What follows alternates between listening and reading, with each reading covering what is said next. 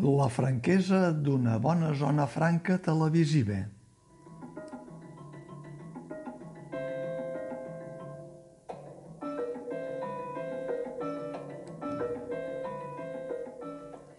La por que feia l'estrena de Late Night, en diuen així, conduït per Joel Díaz, comunicador provinent del popular APM de TV3, s'ha esvaït.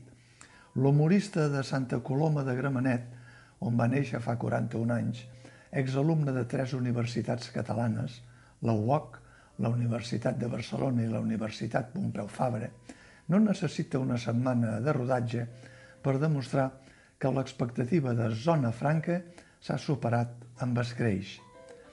I tot gràcies al miracle d'un bon equip de guionistes i un bon guió i a l'actitud espontània d'un presentador que salta a l'altre costat de la càmera i que, en clau de monòleg inicial, es posa de seguida a la butxaca dels espectadors i també del públic en directe, majoritàriament jove per l'hora de la nit. Bona aposta amb auguris de futur. No hi ha millor humor que l'humor que ironitza sobre la pròpia misèria que ens envolta. Una cortineta d'entrada, protagonitzada pels principals informatius de ficció de TV3, avançant-se a les crítiques i els embats de la xarxa, anunciant el fracàs horrorós de Zona Franca i la caiguda en picat del prestigi del presentador no té preu. Des del TN fins a l'Infoca, tothom hi diu la seva i el deixa a l'alçada del batum.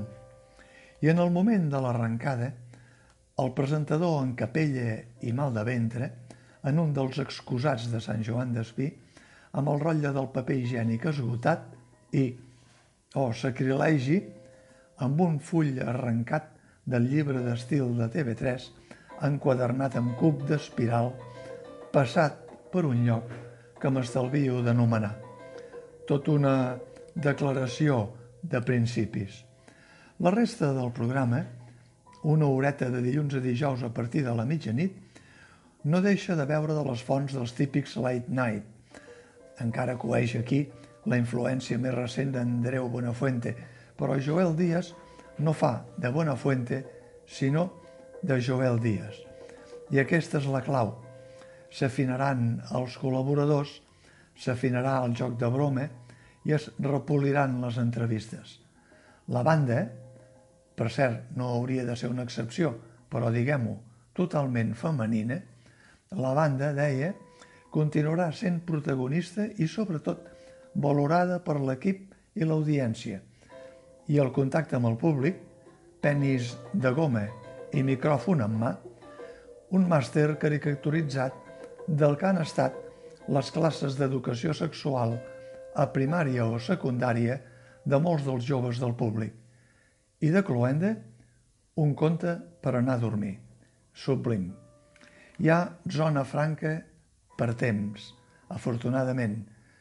La plaga de l'entreteniment amb què TV3 sembla que vol posar a prova l'audiència de tota la vida, qui no esclafa ous al cap a boca galledes de farina, aquesta vegada i surt guanyant del tot gràcies a la franquesa d'una bona zona franca televisiva.